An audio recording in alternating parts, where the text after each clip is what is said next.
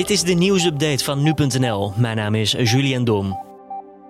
De rekenmethode om stikstofuitstoot en neerslag te berekenen moet worden verbeterd.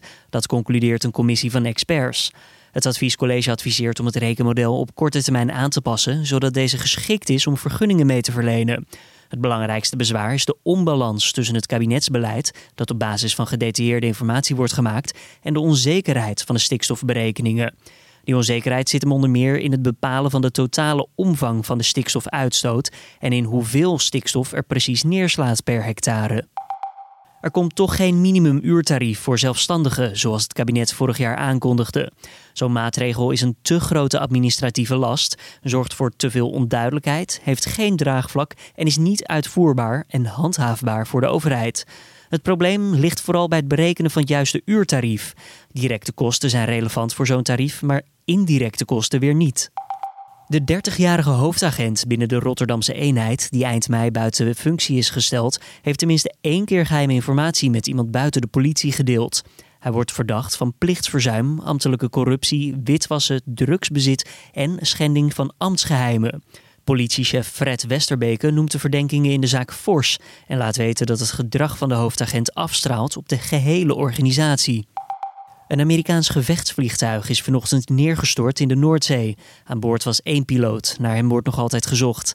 De oorzaak van de crash is nog niet bekend. Het vliegtuig, een F-15, zou zijn neergegaan tijdens een grote trainingsmissie. Voor zover bekend was het een van de eerste grotere trainingsmissies sinds de coronacrisis. De laatste bekende locatie van het toestel was zo'n 100 kilometer vanaf de kust bij het Engelse graafschap Yorkshire. Het CDA heeft de sollicitatieprocedure voor het lijsttrekkerschap geopend. Volgende maand wordt de nieuwe nummer 1 van de lijst voor de Tweede Kamerverkiezingen volgend jaar gekozen. Volgens het CDA is dit het juiste moment voor de sollicitatieprocedure. Vooral omdat mogelijke kandidaten de afgelopen maanden erg druk waren met het bestrijden van de coronacrisis. Mogelijke kandidaten die worden genoemd zijn onder andere minister van Financiën Wopke Hoekstra en minister van Volksgezondheid Hugo de Jonge. Staatssecretaris van Economische Zaken en Klimaat Mona Keizer heeft zichzelf genoemd als mogelijke kandidaat.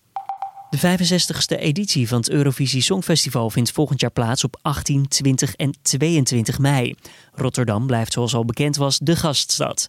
Nederland is door de winst van Duncan Lawrence vorig jaar automatisch geplaatst voor de finale. En ook Spanje, Frankrijk, Duitsland, Groot-Brittannië en Italië staan gegarandeerd daar in de finale. In de komende maanden wordt gekeken welke vorm het Songfestival volgend jaar krijgt.